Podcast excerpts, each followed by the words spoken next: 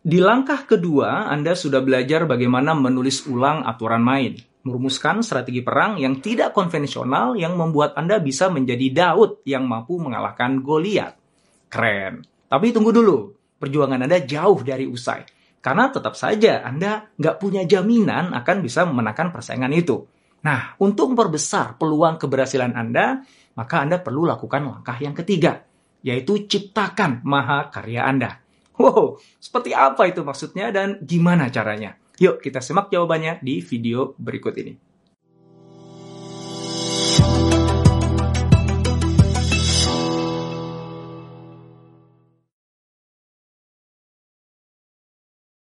Opportunities multiply as they are seized. Sun Tzu. Hari itu tanggal 27 Januari 2010, Steve Jobs berdiri di depan sebuah layar besar yang menampilkan gambar iPhone dan MacBook bersebelahan. Di antara kedua gambar itu ada sebuah celah. Steve kemudian menunjuk celah tersebut seraya berkata kepada hadirin yang memenuhi undangannya. Adakah ruang untuk kategori ketiga di tengah kedua device tersebut? Sesuatu yang lebih intim dari laptop dan lebih canggih dari smartphone. Steve Jobs sedang meluncurkan iPad, sebuah komputer tablet yang dia yakini bisa mengisi celah itu dengan sangat baik. Namun, berbeda dari peluncuran iPhone yang disambut pasar dengan antusias, peluncuran iPad justru sebaliknya. Banyak pihak meragukan produk baru Apple tersebut. Bahkan sebagian berpikir, sang entrepreneur hebat dunia sedang mendekati kejatuhannya. Munculnya pesimisme seperti itu sangat beralasan, sebab belum pernah ada satu pihak pun yang berhasil memasarkan komputer tablet sejak upaya penciptaannya dilakukan pada tahun 1970-an. Termasuk Bill Gates yang pada tahun 2011 meluncurkan Microsoft Tablet PC dan ternyata gagal. Begitupun ketika pada tahun-tahun berikutnya Microsoft meluncurkan lagi berbagai versi tablet yang lebih canggih. Tetap saja semuanya gagal komputer tablet belum bisa menjadi produk mainstream yang digunakan masyarakat luas. Nah, sekarang tentu saja kondisinya sudah berubah ya. Pasar sudah bisa menerima bahkan menyukai iPad. Apple berhasil menciptakan tablet yang benar-benar mampu mengisi celah kosong pada kebutuhan pasar. Sejak 2010, Apple telah menjual 500 juta unit iPad di seluruh dunia. Apple sukses mendefinisikan iPad sebagai sebuah kategori produk baru dan menjadi standar mainstream yang langsung dicontek pemain-pemain lain. Apa yang dapat kita pelajari dari sukses iPad? Pertama, keberhasilan menemukan celah kosong di pasar tidak otomatis berarti Anda bisa jadi pemenang di celah itu. Microsoft dengan tablet PC-nya menjadi bukti. Kedua, Konsumen atau pasar membutuhkan waktu untuk mengadopsi sebuah inovasi baru yang diperkenalkan, seberapapun bagusnya barang atau jasa tersebut. Kita bahas satu persatu ya. Antara smartphone dengan laptop jelas ada celah yang bisa diisi dengan produk baru. Banyak perusahaan menyadarinya, disertai keyakinan bahwa jika mereka berhasil mengisi celah tersebut dengan baik, mereka akan mampu menguasai sebuah pasar baru, sebuah pasar yang bebas dari persaingan dan leluasa untuk dieksploitasi. Kenyataannya, produk demi produk yang diciptakan untuk mengisi celah tersebut selalu gagal menguasai pasar baru. Pada video sebelumnya, kita belajar bahwa sebagai pemain baru yang punya banyak keterbatasan, Anda sulit menang ketika bersaing head-to-head melawan pesaing. Maka, Anda sebaiknya menggunakan strategi yang tidak konvensional. Anda perlu menjadi Daud yang cerdik, yang mampu melihat celah kelemahan di dahi Goliat. Kemudian menggunakan kemahiran Anda menggunakan ketapel untuk meluncurkan tiga batu ke dahi Goliat dan membuat sang raksasa itu jatuh. Nah, sebagai seorang karyawan, bisa jadi Anda sudah melihat sebuah celah atau kesempatan untuk bisa menaikkan karir Anda. Bisa jadi Anda juga sudah berupaya untuk mengisi celah itu dengan sebaik-baiknya. Namun, seperti Microsoft Tablet PC, bisa jadi upaya Anda juga gagal. Anda tetap tidak dilirik oleh manajemen. Begitupun dengan Anda sebagai seorang profesional Mungkin saja Anda sudah sangat percaya diri dengan diferensiasi produk Anda di pasar. Anda yakin produk Anda bisa mengisi kebutuhan pasar yang belum bisa terpuaskan oleh produk para pemain lain. Sayangnya, kenyataan berbicara lain. Respon pasar dingin-dingin aja. Produk Anda nggak jadi best seller.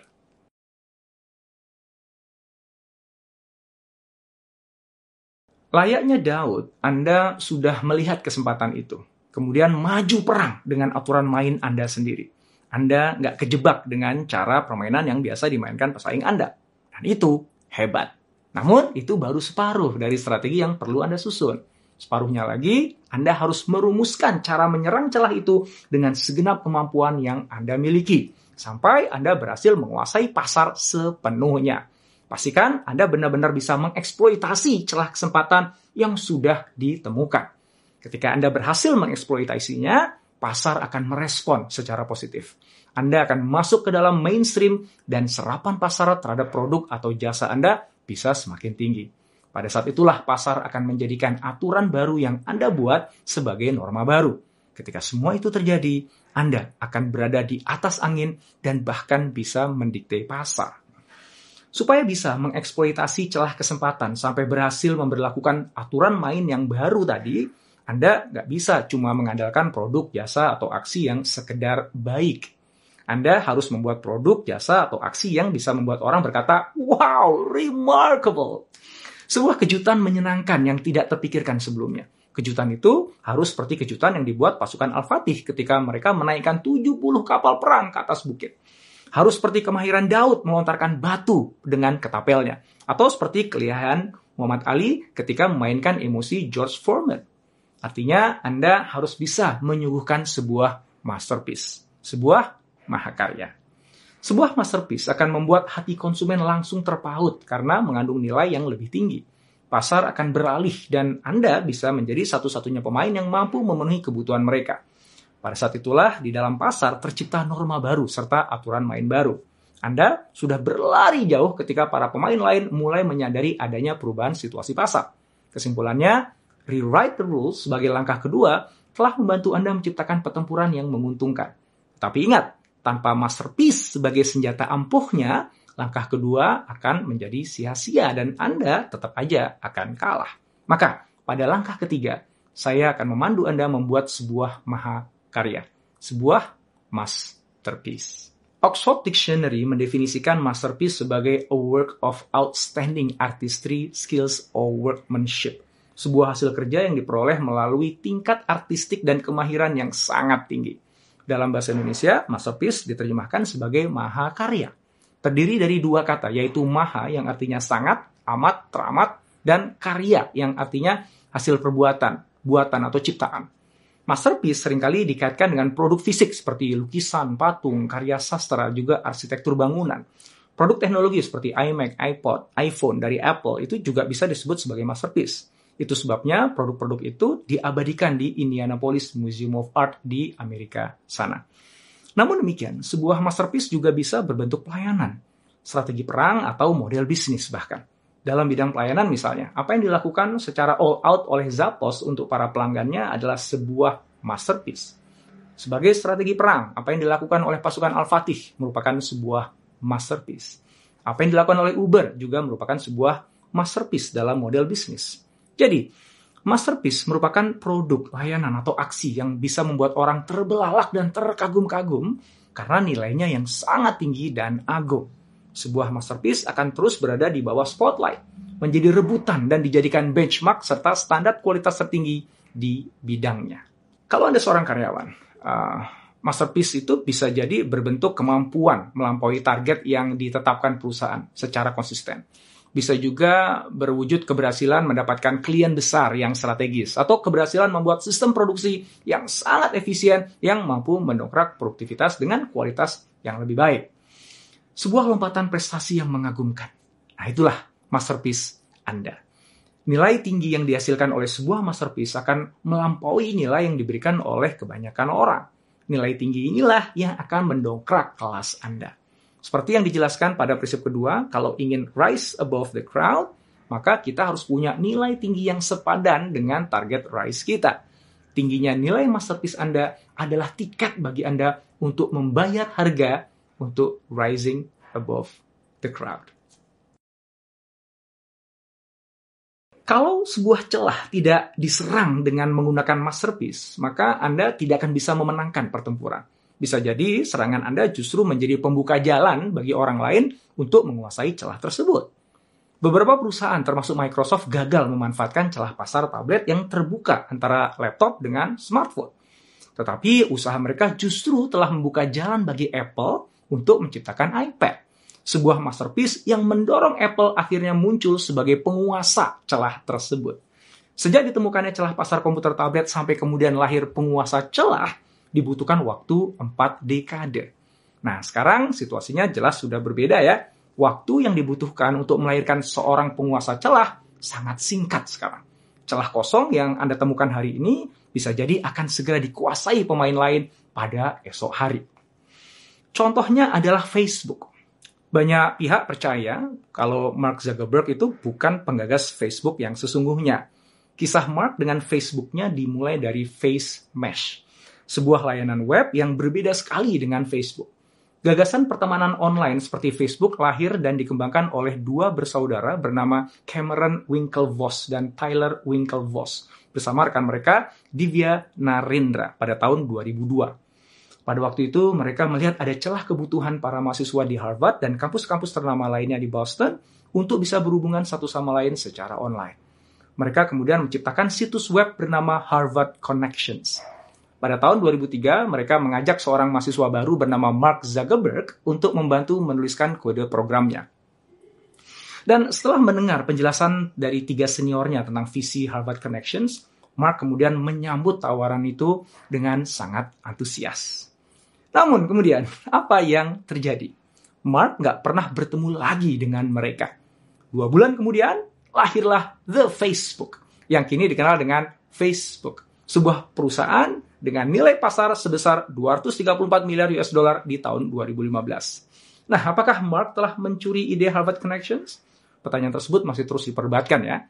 Namun yang pasti, ketika sebuah celah kesempatan terbuka, maka siapa pun yang mampu menyerang dengan sebuah masterpiece akan menjadi penguasanya.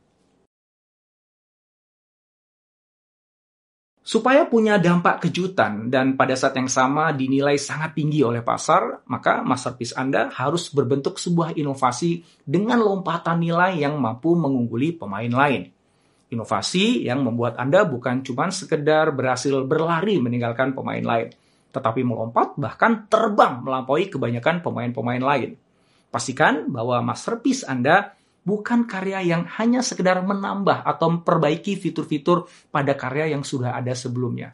Dengan kata lain, inovasi Anda nggak boleh bersifat incremental. Contoh incremental innovation adalah Toyota Production System atau kita kenal dengan TPS yang berbasis Kaizen atau perbaikan terus-menerus. Sistem TPS selalu berupaya mencari problem atau deviasi kemudian memperbaikinya secara terus-menerus sehingga hasilnya selalu bisa lebih baik dari sebelumnya. Nah, incremental innovation hanya cocok dilakukan oleh pemain besar yang berupaya mempertahankan dan meningkatkan kualitas produk atau layanannya. Incremental innovation tidak direkomendasikan bagi Anda yang ingin menyerang celah pasar. Kenapa? Karena kurang game changing, kurang wow, dan nggak bisa menghasilkan pukulan yang berarti bagi pasar maupun pemain lain. Selain itu, dengan incremental innovation, Anda akan mudah dimatikan oleh pemain besar yang punya sumber daya yang lebih baik mereka bisa cepat mengikuti dan melakukannya lebih baik dari Anda. Itu sebabnya Anda harus menciptakan sebuah masterpiece yang termasuk di dalam kategori disruptive innovation. Istilah yang dikemukakan pertama kali oleh Clayton Christensen di tahun 1995 ini merujuk pada sebuah inovasi yang mampu mengubah tatanan pasar yang ada, sampai akhirnya berhasil menggantikan para pemimpin pasar dalam sebuah industri iPad merupakan masterpiece yang tergolong disruptive innovation karena mampu mengubah tatanan pasar komputer pribadi. Juga iPod dan iTunes yang mengubah tatanan industri musik. Sementara itu, kehadiran telepon seluler yang semakin murah mampu mematikan jasa telepon rumah. Sedangkan online shop seperti Amazon mulai menggantikan toko retail tradisional. Begitupun Uber yang mengancam keberlangsungan jasa layanan transportasi taksi misalnya. Incremental innovation lebih mudah diterima pasar karena hanya sebuah langkah perbaikan dari produk yang sudah mereka kenal. Jadi sangat berbeda dengan disruptive innovation yang punya risiko. Bisa jadi berhasil, bisa juga gagal. Bisa dipuja, bisa juga dimaki. Pasar nggak bisa segera menyambut dan mengadopsi sebuah produk baru karena memang perlu waktu. Memang itulah harga yang harus dibayar untuk bisa menaklukkan sebuah celah kesempatan. Katakanlah Anda telah menciptakan sebuah masterpiece berupa disruptive innovation yang berhasil mengguncang pasar dan membuat produk atau jasa lain seperti mainan anak TK yang usang. Namun layaknya iPad, perlu waktu bagi pasar untuk mengadopsi masterpiece Anda itu.